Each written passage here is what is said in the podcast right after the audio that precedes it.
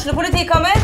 Ine Jansen er purk. Er du purk? The motherfucking bitch. Alt jeg vil, er å finne ut hva som skjedde med mannen min. Jon Carew. Er jeg sikta for noe? Iben Akeli. Det er du. Ole So, Lars Berrum og Big Daddy Karsten. Hvem sin side er du på, egentlig? Anette Hoff, Tone Danielsen, Kommer du fra Afrika? Jørnis Josef, Nesten. Kløfta. Trond Espen Seim, Det er synd å si det, men det var feil mann som døde. Purk. Premiere tirsdag på TV2 Play. Ungsamtalen fra DNB er økonomisk veiledning tilpasset deg som er ung. Bokk en ungsamtale på dnb.no. slash ung. Det er kjempebra hvis du skal inn på boligmarkedet, hvis det er drømmen din, liksom. Det er det du skulle sagt. Og så kunne du ropt litt mer, da, sånn som jeg gjorde. Bam! Åh.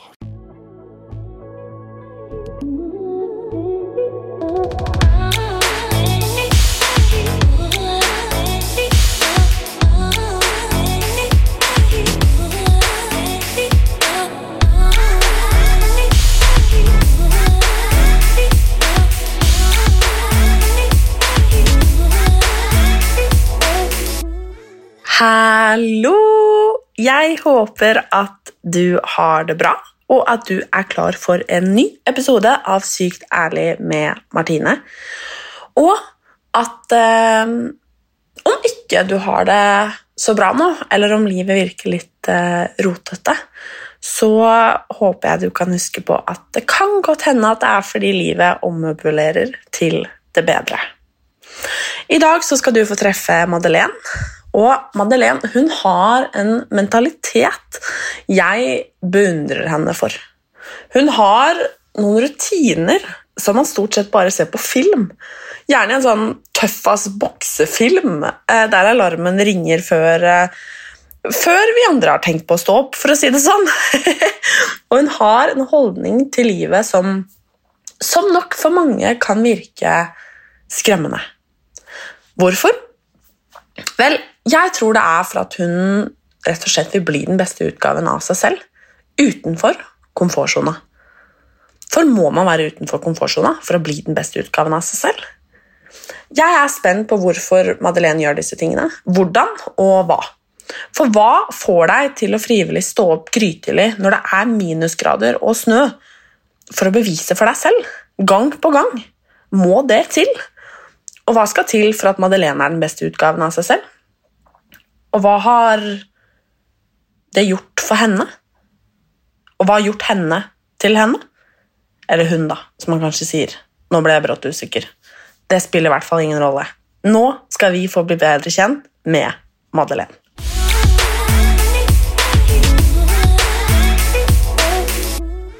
Hallo og velkommen. Hei. Veldig hyggelig å ha deg her. Jo, tusen takk. Vi eh, skal jo snakke om eh, dette med å være den beste utgaven av seg selv. Mm. Og jeg har invitert deg hit for at jeg er veldig fascinert av din historie og dine tanker, og det du gjør for å være den beste utgaven av deg selv. Ja. Og jeg gleder meg veldig til å bli bedre kjent med deg. Og jeg sa det litt til deg, men jeg føler på mange måter at du representerer den den jenta vi alle har litt i oss, og de følelsene og tankene som jeg i hvert fall vet at jeg har følt mye på, eh, både opp igjennom, men også nå som, skal vi si, unge voksen.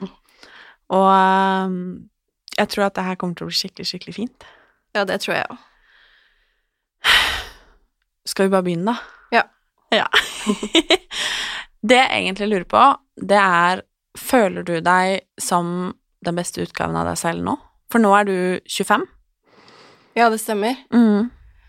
Det er et vanskelig spørsmål, fordi jeg føler at man alltid har eh, en vei å gå. Eh, man er aldri helt ferdig utvikla. Eh, men her hvor jeg er i dag, så er jeg så bra som jeg kan bli, føler jeg selv, men jeg har alltid noe mer å jobbe med. Jeg har alltid konkrete mål. Mm. Har du alltid vært bevisst på på en måte å være den beste utgaven av deg selv?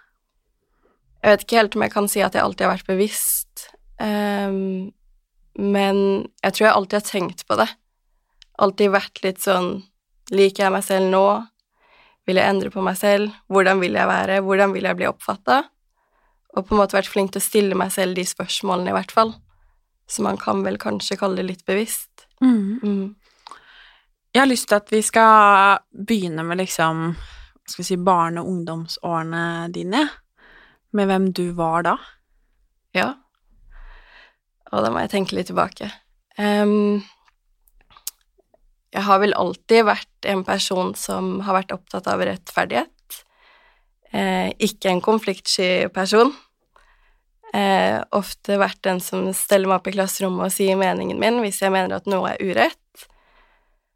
Og jeg har kanskje fått tatt litt imot for det òg. ja. Hvordan var liksom ungdomsårene dine sånn med å skulle passe inn? Det var eh, både og. Jeg har egentlig på en måte alltid vært i en populær gjeng, samtidig som at jeg ganske fort ble kasta ut av den nå, om jeg kan si det sånn. Um, men jeg var på en måte den på skolen som alle visste hvem var, fordi jeg har vært i en gjeng som var relativt populær. Um, men jeg var jo ikke konfliktsky, og jeg har ofte sagt hva jeg mener, og på en måte møtt opp i krangler og tatt diskusjoner. Mm. Hvorfor har det vært så viktig for deg? Nei, det er vel egentlig bare for å få folk til å forstå da, hvem jeg er, og hva jeg mener, Mm. og at ting skal være rettferdig. Har det vært mye sånn typisk Irriterer meg egentlig at jeg sier det, bruker det ordet, men sånn jentedrama? Ja, mye. Hvordan da? Nei, jeg kan vel egentlig starte i i sjette, syvende klasse, for det var der, det er der jeg husker mest, egentlig. Mm. Typisk den der populære gjengen hvor man er flere sterke personligheter som begynner å krasje litt fordi man utvikler seg. Eh, og så vil man gjerne beholde flest mulig på sin side. Eh, og jeg var kanskje ikke så opptatt av det, og så følte jeg på at det ble urettferdig, fordi folk tok side med den som kanskje var mest likt. Eh, så det har jo vært mye greier både på skolen og da jeg spilte håndball. Eh, ofte sånn at jeg fikk hele håndballaget imot meg på grunn av ting som ble gjort, og at jeg sa meg uenig, eller små krangler med eh, typ de populære, da, som klarte å få folk over på sin side. Tror du at noen ville kalt deg drama queen? Det er nok sikkert noen som har gjort det, Mm. men jeg tror heller jeg ble kalt for et problembarn. Hvorfor det? Nei eh, jeg, jeg er litt usikker. Både, eller kanskje også drama queen, men på ungdomsskolen så begynte jeg i hvert fall å drikke veldig tidlig. Det gjorde de aller fleste av oss egentlig, men noen var litt flinkere til å skjule det enn meg, så jeg ble tatt, og da ble jeg syndebukken. Mm. Mm. Så får man jo det bildet av at man er et lite problembarn, da. Var du det, da? Nei, jeg vil jo ikke si det. Jeg var kanskje en liten pøbel, litt sånn rebell. Um, men et problembarn var jeg nok ikke. Mm. Hvorfor begynte du å drikke så tidlig? Var det bare sånn det var? Det var bare sånn det var. Mm. Det var ikke noe spesiell grunn, egentlig. Det hender at um, som alkohol og snus og sånn, Mm. eh, så liksom var det shit da, Eh, når, eh, som barneskole- og ungdomsskolealder. Og når jeg tenker tilbake på det selv òg, for jeg husker at de første gutta prøvde litt sånn snus i sjuende klasse og sånn, og åttende klasse så var det flere som om man kan si at de snusa, det veit jeg ikke, men de, de gjorde det i hvert fall sånn i friminutt og sånn, og begynte å drikke. Og ja, jentene og da, alle, eller ikke alle, men mange, um, hvor små man egentlig var. Ja, det er det verste. For at der og da så føltes det ikke så unaturlig, Nei. men nå så er jo det helt vanvittig å tenke tilbake til. Ja, jeg tenker jo tilbake på det, og altså, jeg fikk i meg veldig mye også, enkelte ganger, og har stått i noen situasjoner som kunne vært farlige. Som hva da, for eksempel? Eh, nei, jeg har jo drukket så mye at eh, jeg har kasta opp eh, Eller skumma ut av munnen min, Mm. hvor de har eh, Jeg snakket faktisk med en venninne før jeg kom hit, hvor hun fortalte meg at de hadde ringt ambulansen, men fått beskjed om at de ikke syntes det var nødvendig med pumping. Um, men jeg tror det bare For min del så tror jeg det bare var eh, et øyeblikk over litt tid, da, hvor jeg hadde et behov for å på en måte Jeg vet ikke, føle meg litt fri. Fri fra hva da? Er fri fra alt eh, sko, Altså skolen, alt, egentlig. Mm. Mm. Var du skoleflink? Midt på tre. Mhm. Ja. Som de fleste? Ja. Gjorde sitt beste? Ja. Mm. Jeg eh, Du er jo veldig både flink og glad i å trene. Ja. Har du alltid vært det? ja, så lenge jeg kan huske. Mm. Jeg spilte jo håndball, eh, og så gikk jeg slutta på laget. Eller jeg ble faktisk kasta ut. Hæ? Ja. Hvorfor det? Eh, nei, jeg fikk jernmangel. Eh, og det er nok veldig mange som er uenig i hva som skjedde, Ok. men det er min oppfattelse, og slik min familie har sett det, i hvert fall. Eh, jeg fikk jernmangel og fikk beskjed om å ta en pause fra håndballen. Eh, og da ville jeg jo ikke sitte og se på treningene, så da gikk jeg ut og hang med venner. Eh, og så ble jeg observert av treneren, og da ble det til at jeg løy om jernmangel. Mm. Og til slutt så ble det bare til at nei, vi vil ikke ha deg på lag lenger. Ok. Ja. Hmm. Mm. Men du har jo en enorm fysikk. Ja. Har du alltid hatt det? ja, det tror jeg. For jeg tror jo at for veldig mange så har du den typiske idealkroppen. Mm. Har du følt det selv? Føler du det selv? Eh, jeg vet ikke helt hva jeg skal svare på det, for jeg har aldri tenkt på kroppen min slik som andre kanskje har gjort. Mm. Den har bare vært kroppen min, og jeg har typ alltid vært fornøyd. Eh, og så har jeg vært veldig opptatt av å være sterk. Mm. Så jeg tror at fokuset mitt har ligget på å være sterk, og automatisk så får du den fysikken da. Mm. For at en av grunnene til at du er her, er Mm. jo fordi at jeg er så ekstremt fascinert over den dedikasjonen du har til livet. For på mange måter så er jo du den derre irriterende hashtag thatgirl-jenta fra, fra TikTok, liksom, eh, som som gjør det som på mange måter virker uoppnåelig. Og jeg syns at det er så interessant også i på en måte denne beste utgaven av seg selv. Um, for at du gjør jo, i hvert fall det jeg oppfatter, og får til, uh, det man kanskje forestiller seg at må til for å være den beste utgaven av seg selv. Ja. Kan ikke du, for at folk skal forstå, hvordan en ultimat dag for deg, hvordan er den? Altså den beste dagen jeg kan tenke meg sånn i en vanlig hverdag. I en vanlig hverdag som Ja. du gjennomfører. Da har jeg kommet meg opp eh, mellom eh, kvart over fem, eh, seks. Det er litt vanskelig å si akkurat tidspunkt, men eh, slik som i dag, da, så var jeg oppe ti på halv seks, ja. Eh, løp litt på tredemølle eh, og fikk løfta litt vekter, og så var det rett på jobb. Eh, så den optimale dagen min er egentlig bare at jeg får trent som det første jeg gjør, for da føler jeg at jeg tar dagen med litt styrke. Mm. Mm. Så det er veldig viktig for meg da, å få gjennomført den økta så tidlig som mulig. Og så etter det kan egentlig alt skje. Hvordan ser, hvordan ser ettermiddagen ut da, liksom? Når du på en måte er Fordi du gjør det jo ofte. Starter dagen på den måten der. Ja.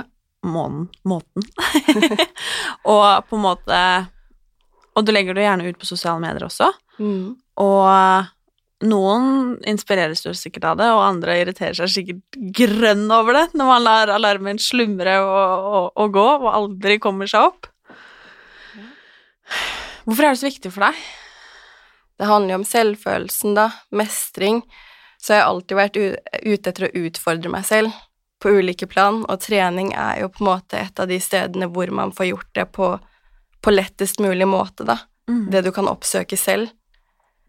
Eh, og det samme gjelder jo det å stå opp tidlig òg, for det er jo ikke behagelig for meg heller. Nei, for det lurer jeg litt på. For at jeg syns ikke Eller noen dager så går det veldig greit å stå opp tidlig. Sånn er det jo. Mm. Men la oss være ærlig. Stort sett så er det ganske vondt. Spesielt om man ikke har kommet seg i seng tidsnok dagen før, og det gjør jeg i hvert fall sjeldent. Eh, så sjeldent at jeg nesten kan føle meg mislykka når jeg sitter og, sitter og snakker om det. Men for at på mange måter så er du den Ja, som jeg sa, da. That girl, liksom. Den Mm. som oppnår på en måte alle disse ritualene som skal til for å være den beste utgaven av seg selv. Så jeg lurer litt på om For det første hvor bevisst det valget er, men også hvor viktig det er for deg, og om du er bevisst på at på en måte det er det du ønsker å være. Ja, altså, alt er veldig bevisst. Alt. Eh, Jeg kan bli skikkelig sur hvis jeg ikke kommer meg opp. Eh, og det handler ikke om at jeg eh, må vise det til noen, eller Jeg vet ikke helt hva jeg skal si, men det som er viktig med det, er at det er selvfølelsen jeg sitter igjen med når jeg har klart noe. Det er den mestringen. At man klarer den utfordringen hver dag og kommer seg opp. Og jeg tror det har en sammenheng med ting jeg gikk gjennom på både ungdomsskolen og videregående. Eh, Kan jeg spørre for eksempel hva da? hva jeg gikk gjennom. Mm. Det er en veldig lang historie, men jeg kan prøve å ta det i korte trekk. Mm. Vi har god tid. Ok. Eh, det startet jo på barneskolen, Mm. eh, og der var det veldig smått. Det var på en måte en oppbygning til noe annet eh, som Hva skal jeg si? Det bundet i det samme, men ble vinklet på en annen måte. Eh, men det jeg husker best fra barneskolen, det første jeg opplevde, var at skoene mine ble kasta i do. To ganger. Eh, og det endte jo opp med at jeg måtte gå med gymlæreren sine sko hjem. Eh, og det var også den strengeste læreren på skolen, så det var jo ydmykende i seg selv. Eh, og utover det så var det bare mye jentedrama. Det med eh, håndballaget, at jeg ble kastet ut. Eh, jeg var veldig god venn med den første håndballtreneren vi hadde, så det var en cup hvor hele laget sperra meg ute, eh, og jeg måtte henge med treneren selv. Eh, men det var litt sånn Det er på en måte ikke det, det verste, da, det som skjedde på barneskolen. Det er litt sånn diffust, egentlig. Eh, men så begynte det igjen på ungdomsskolen, da vi ble tatt for å drikke alkohol. Eh, og da ble jeg stengt ute nok en gang. Eh, og jeg har jo på en måte den dag i dag forståelse for hvorfor det skjedde.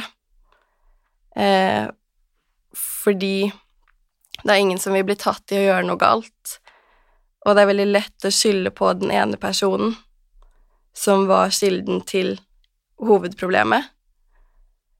Eh, og det endte Altså, det skjedde etter en fest, en spesifikk fest. Da starta på en måte hele greia. Eh, jeg ble skreket til av typ Ikke hele skolen, men eh, det var store deler av skolen som sto og så på. Og så var det på en måte en kjerne, da, som sto og hylte til meg. Hvorfor det? Det var fordi vi hadde blitt tatt, og fordi jeg hadde drukket for mye. Og fordi det var din skyld? Ja, det var min skyld at vi ble tatt. Jeg dukket opp på en fest jeg ikke skulle møte opp på. Mm. Mm.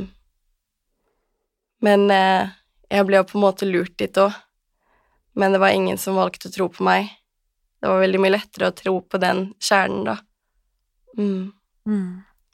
Og det var sånn det starta. Og da gikk jeg vel egentlig helt frem til tiende klasse og hadde masse problemer med folk. Ikke konstant, men mye ubehag. Um, jeg hadde lærere som ikke likte meg. Uh, det barnevernet ble innblanda. Mm. Um, Hvorfor det? Nei, fordi det var uh, noen som valgte å gå og si ifra til noen lærere, og mente at jeg var en alkoholiker, til tross for at større deler av det samme trinnet holdt på med det samme.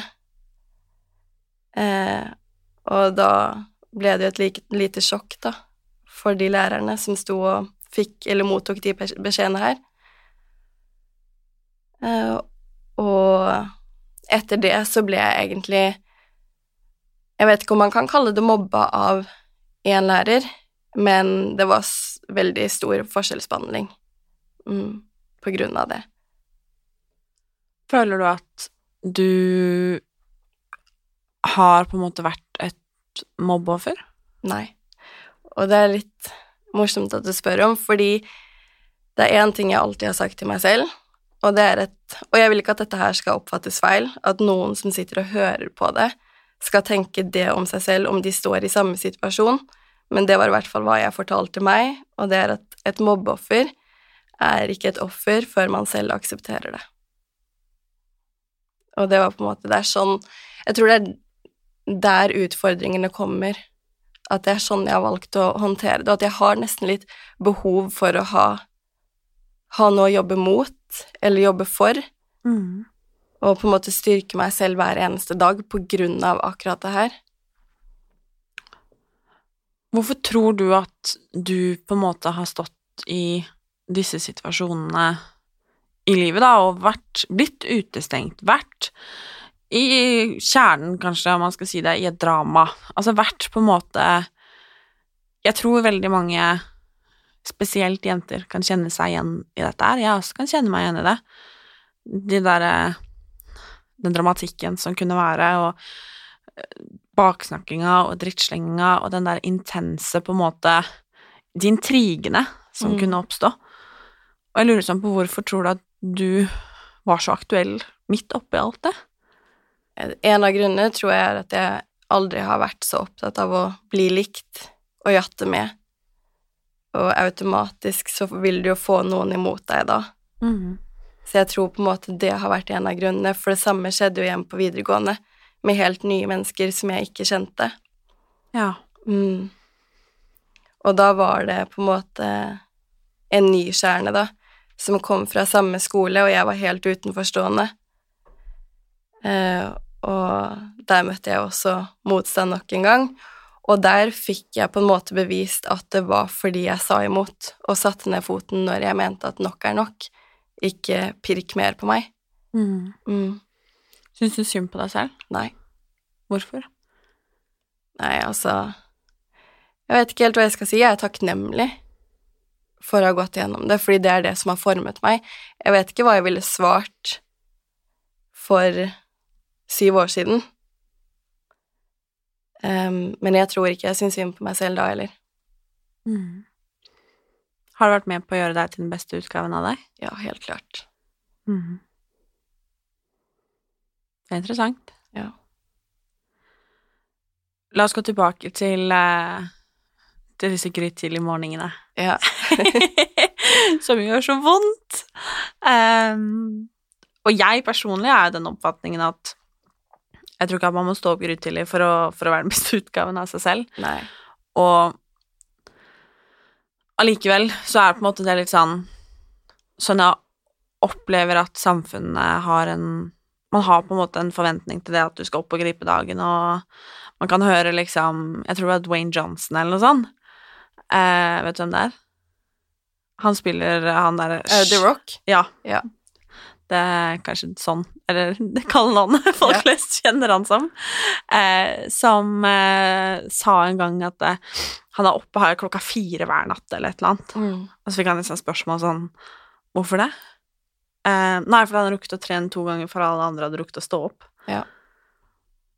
Og så er jeg sånn så menneskelig at jeg tenker fy søren og rått, men jeg tror egentlig ikke helt på det, for at det er for godt til å være sant. Skjønner du hva jeg mener? Ja. Og så skjønner jeg ikke om jeg sier det fordi at jeg vet at det hadde vært altfor ubehagelig og urealistisk til å gjøre selv. Eller at på en måte det hadde vært for vondt, da. At på en måte jeg hadde funnet unnskyldninger og på en måte forminska han i min i mitt, til mitt forsvar, da. Eller om det faktisk er umenneskelig. Jeg tror det er veldig mange som gjør det første du sa. Mm. Mm. Hvordan har Eh, du kommet over det, da? Men jeg, jeg kommer meg jo ikke over det hver dag. Nei.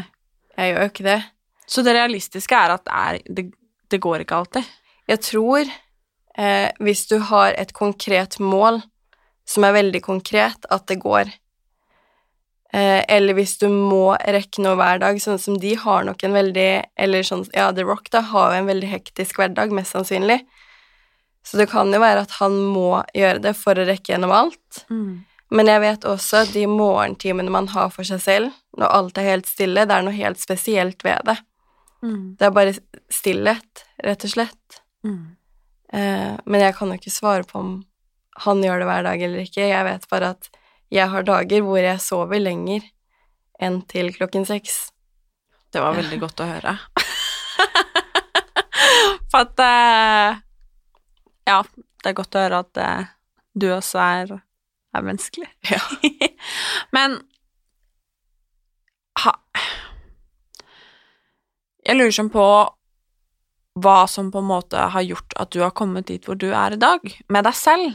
Se bort fra karriere og hjem og altså alle disse tingene her, men deg. Mm, Min Hvordan du på en måte, ja, har blitt denne. Ja, hvordan har du kommet dit? Hvordan har du på en måte blitt overbevist? Hva har gjort at du på en måte har kommet eh, Altså, at du flere ganger i uka, året rundt, lever nyttårsforsettene De urealistiske, seige nyttårsforsettene for oss fleste, da. Hvordan du får det til? Hvordan Ja. Altså, jeg tror at det handler tilbake til det med oppveksten, videregående, og alt det der. Fordi kjernen i det hele var at jeg møtte opp på skolen selv om jeg ikke ville. Jeg gjorde noe jeg ikke ville. Det var det siste jeg ville gjøre i løpet av dagen. Jeg orket ikke nye konfrontasjoner, jeg orket ikke å ta krangelen på nytt. Men jeg visste at den som taper på det, det er kun meg selv. Og da vinner de. Så jeg tror det dannet en sånn styrke i meg å gjøre ting jeg ikke vil gjøre. Selv om jeg ikke hadde de begrepene, jeg kunne ikke forklart det den gangen, altså at jeg gjør det jeg ikke vil. Det har bare blitt et momentum i både hode og kropp. At jeg går etter ting jeg ikke vil gjøre alltid. Samtidig som jeg gjør det jeg vil gjøre òg, men å finne den balansen. For det styrker jo hjernen, i hvert fall min, da. For det er jo sånn at man kan ikke gjøre alt man liker hele tiden. Mm, Konstant. det er sant. Mm.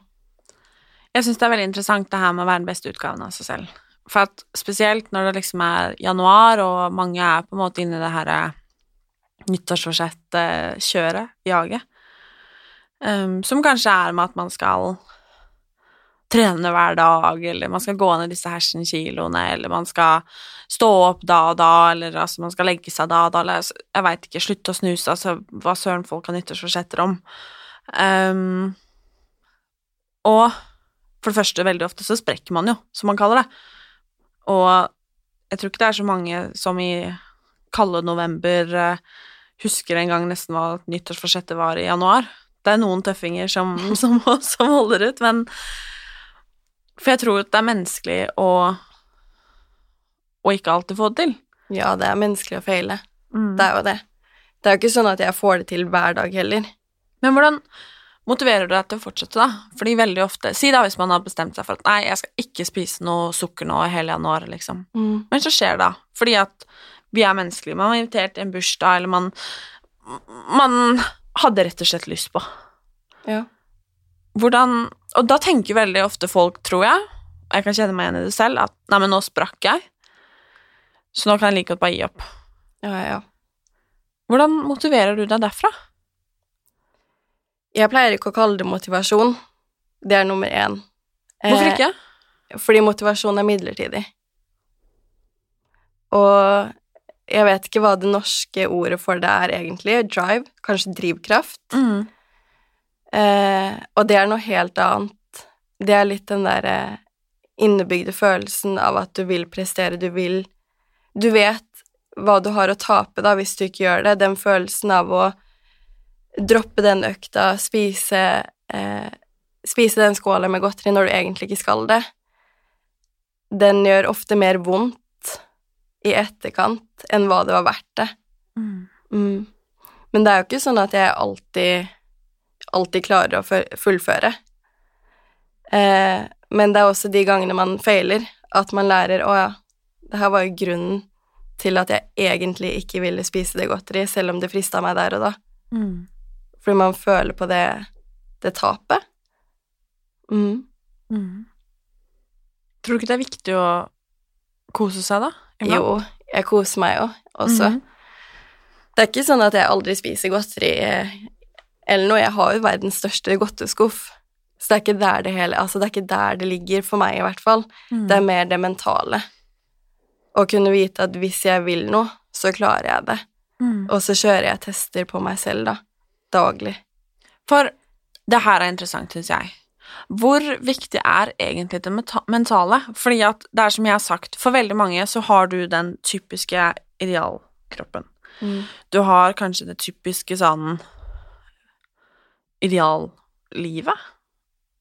Eh, veldig mye er idealistisk, i hvert fall. Mm. Altså sånn som med hva du oppnår i form av Altså med deg selv, da. Eh, med disse rutinene, for eksempel. Så hvor viktig er egentlig det mentale for at man skal ha det bra? Fordi stort sett så opplever jeg at man drar på trening for å bli tynnere, penere, deiligere, og på en måte glemmer det som er alfa og omega. Jeg tror det mentale er alt. Uansett hvordan man på en måte vinkler det, om man drar på trening for å oppnå noe utseendemessig, så vil det ikke vare. Du må finne noe i dybden som faktisk betyr noe. Eh, og det gjelder egentlig alt man driver med, ikke bare trening, men jobb, karriere, eh, privatliv. Ja. Mm. Hva er det for deg å være den beste utgaven av seg selv? Det er vel egentlig å være fornøyd, eh, tilfreds med hvem jeg er, hva jeg er. Eh, og det betyr ikke at jeg skal vite hvilken vei jeg vil gå til enhver tid, men det betyr bare at jeg jobber målretta mot noe som skal bli noe bedre. Mm. Jeg har tenkt mye på det selv. Dette er med å være den beste utgaven av seg selv. Mm. For jeg oppmuntrer jo ofte til det. Litt den derre 'jeg håper du gjør noe bra for deg selv i dag'. Og at jeg tror det aller viktigste er å ha det godt med seg selv. Mhm. Og så tror jeg vi kanskje glemmer iblant at det å være den beste utgaven av seg selv ikke er et synonym med å være perfekt. Og jeg har prøver å samtidig å gi meg litt slack mm. på en del ting, og samtidig huske at Eller ta en dag av gangen, da. Um, og at Ta utgangspunktet mitt for for eksempel i dag, og tenke at hva skal jeg gjøre for å være den beste utgaven av meg selv i dag? Mm. Fordi at iblant så har man nok med å komme seg ut på trappa og sitte der i fem minutter, og så er det det man var i stand til for å være den beste av seg selv den dagen. Andre ganger så er det å kanskje komme seg opp av senga, orke å stå opp, eller orke å ta seg en dusj, huske å spise, orke å spise.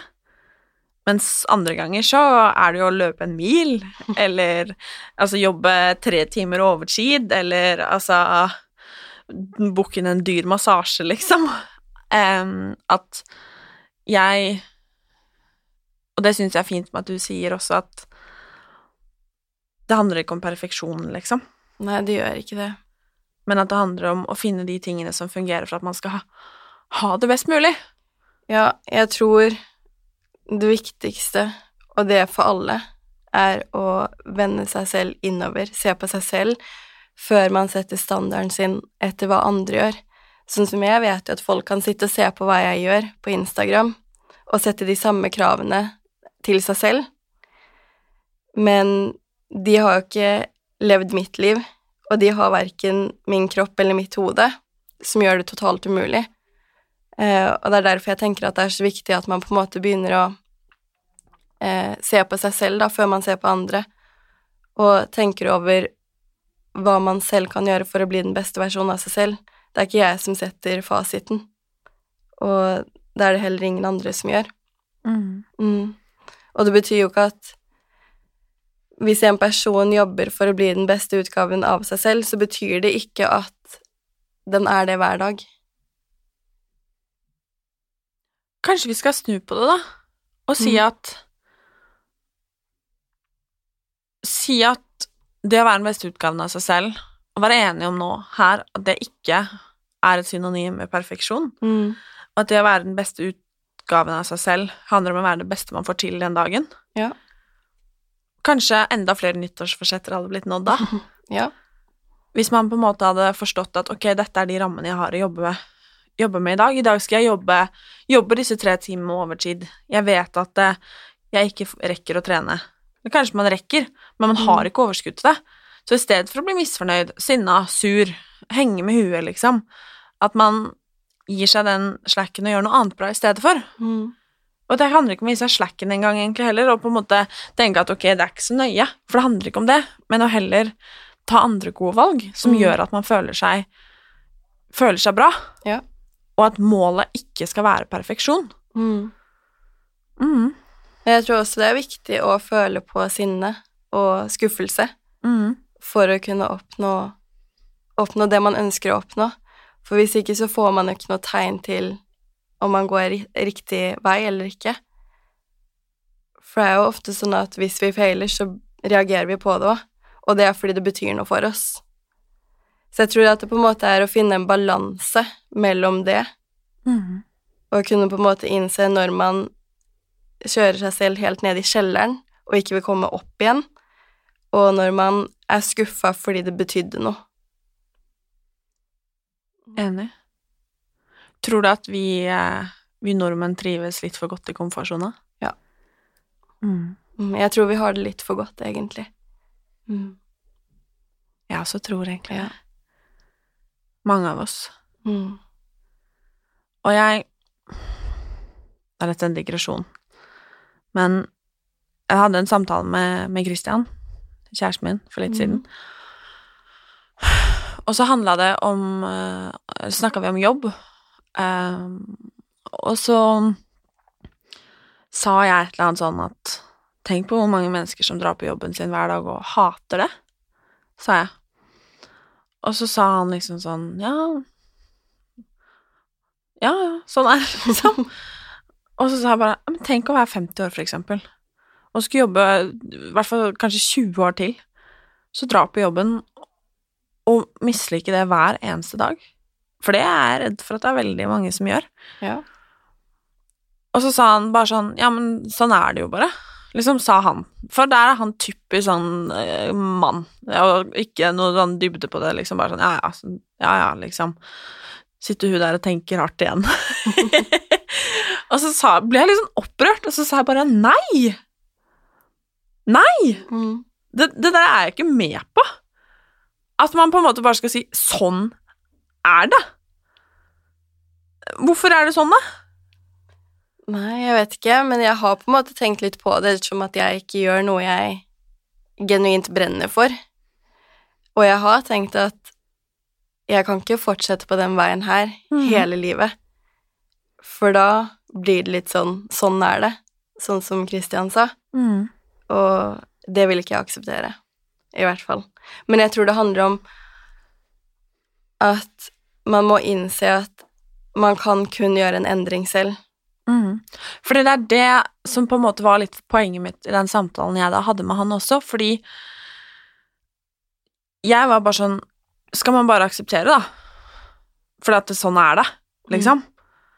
Og så var jeg bare sånn Jeg tror at veldig mange av de som er i den situasjonen, finner unnskyldninger, ikke sant? Forklaringer til hvorfor det er sånn. Uh, nei, man begynner å bli for gammel, da.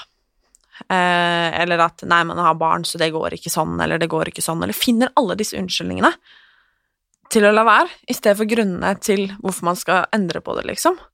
Jeg bare Jeg sier ikke at alle kan, kan gjøre noe unikt, liksom. Eller Det er en grunn til at det, de aller fleste er helt gjennomsnittlig, liksom. Men jeg bare For det trenger ikke å handle om trening eller å stå opp tidlig om morgenen eller spise dritsunt hele tiden, eller Det trenger ikke å handle om det. Men det å skape seg et liv som man som man er tilfreds med, og det også syns jeg det er fint at du sa, brukte det ordet tilfreds. Mm. For til syvende og sist er det jo det det handler om. Ja. Og nei, alle elsker ikke å dra på jobben sin hver dag. For at that's life, liksom. Mm. Men man har jo ett liv, da, og det er som du sier Det er deg det kommer an på. Mm. Og det fins alltid grunner og unnskyldninger til å la være. Ja. Og jeg hørte en har du, Kanskje du har lest den? Eh, hva heter den? Eh, 'Kunsten å gi faen'? Nei. Den anbefaler jeg på det sterkeste. Ja. Mark Manson, tror jeg han heter. Okay. Jeg hørte den på lydbok. Ja. Og han sa en ting som var sykt interessant. At kunsten eh, Nei, blås i det jeg sa nå. Han snakka om dette her med eh, hvorfor vi lar være å gjøre ting. Satse på den drømmen, skrive den boka. Mm. Slutte jobben for å søke på den andre, eller ta den andre, eller gripe disse mulighetene. Som, som vi alle har, i liten eller stor grad. Um, men som vi på en måte unnskylder oss med å, å la være å ta, fordi at det kanskje er ubehagelig, ute av komfortsona, eller at vi er redde. Redde for hva andre måtte mene. Mm. Um, og da sa han det, at frykten for å bli en eh, kunstner som ingen liker, er større enn å bli en eh, Eller å få bli en kunstner som ingen har hørt om. Mm. Og jeg syns det var så sykt godt sagt. Ja. For at det er jo egentlig det det handler om. Mm. At man styres av frykten sin, kanskje. Ja, det er ego. Ja. Mm, det er egoet vårt som snakker til oss konstant. Mm. Eh, og det er noe jeg har innsett nå. Eh, I hvert fall funnet begrepet på hva det er som driver og pirker meg i nakken og skal fortelle meg at 'nei, ikke gjør det', 'ikke gjør det', 'det der vil du ikke'.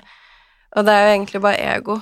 Eh, og den frykten vi har, er jo ofte å ikke bli akseptert, ikke bli likt, Eh, mens egentlig så har mennesker kun to reelle frykter, og det er høy lyd og fall. Det er egentlig det eneste vi er født til å være redd for. Og det sier egentlig ganske mye om alle andre tanker vi har om ting, da, når vi ønsker å gjøre noe, men blir, blir redde. Og da er det bare ego som er redd for at for at noen ikke skal like deg, for at du skal si noe dumt, for at du skal feile Ja, alle de greiene. Men det er jo ekstremt vanskelig å på en måte huske det til enhver tid, Mm. hver gang man skal ta et nytt valg. Og valg tar vi jo hele tiden. Mm. Mm. Så da lurer jeg på Hva er dine beste tips til å være den beste utgaven av seg selv? Og det her har jeg tenkt på, faktisk. Um, nummer én så tror jeg det er viktig å ikke flykte fra utfordringer, men å møte de, uansett hvor skummelt det er, fordi uh, du bygger en enorm styrke i deg selv når du våger. Du vil føle på mestring, og mestring gir en god selvfølelse. Eh, og så er det også å akseptere hva du er, hvem du er, og rett og slett gi litt mer faen i hva alle andre kommer til å tenke og mene om deg. Mm. Det er på en måte de to tingene jeg kommer på sånn som er hovedfaktorene for meg, i hvert fall. Å fortsette å på en måte tørre å våge, ta utfordringer, men også akseptere hva jeg er, og hvem jeg er. Mm. Mm. Og huske på at eh, folk vil ha en mening om deg uansett Ja. hva du gjør. Så Mm. kan man like greit gjøre det man selv har lyst til. Og det som føles rett. Ja. Mm. Mm. Jeg er veldig glad for at du hadde lyst til å komme hit og eh, snakke om Dele disse tankene med meg. Og om å være liksom den beste utgaven av seg selv. Mm. Har vi en konklusjon, egentlig? Ja, jeg tror jo det. Mm. Mm. Hva syns du den skal være? Eh, aksepter deg sånn som du er, og jobb mot det du selv mener er rett, og det som gjør deg til den beste versjonen av deg selv. Mm. Mm. Og ikke la noen andre sette standarden. Mm. Og gjør ditt beste. Mm. Og husk å puste med magen litt i det. Der tror jeg det var to streker under svaret. Men da sier vi det sånn, da. Ja. Tusen takk for at du hadde lyst til å gjeste podkasten min. Tusen takk for at jeg fikk komme.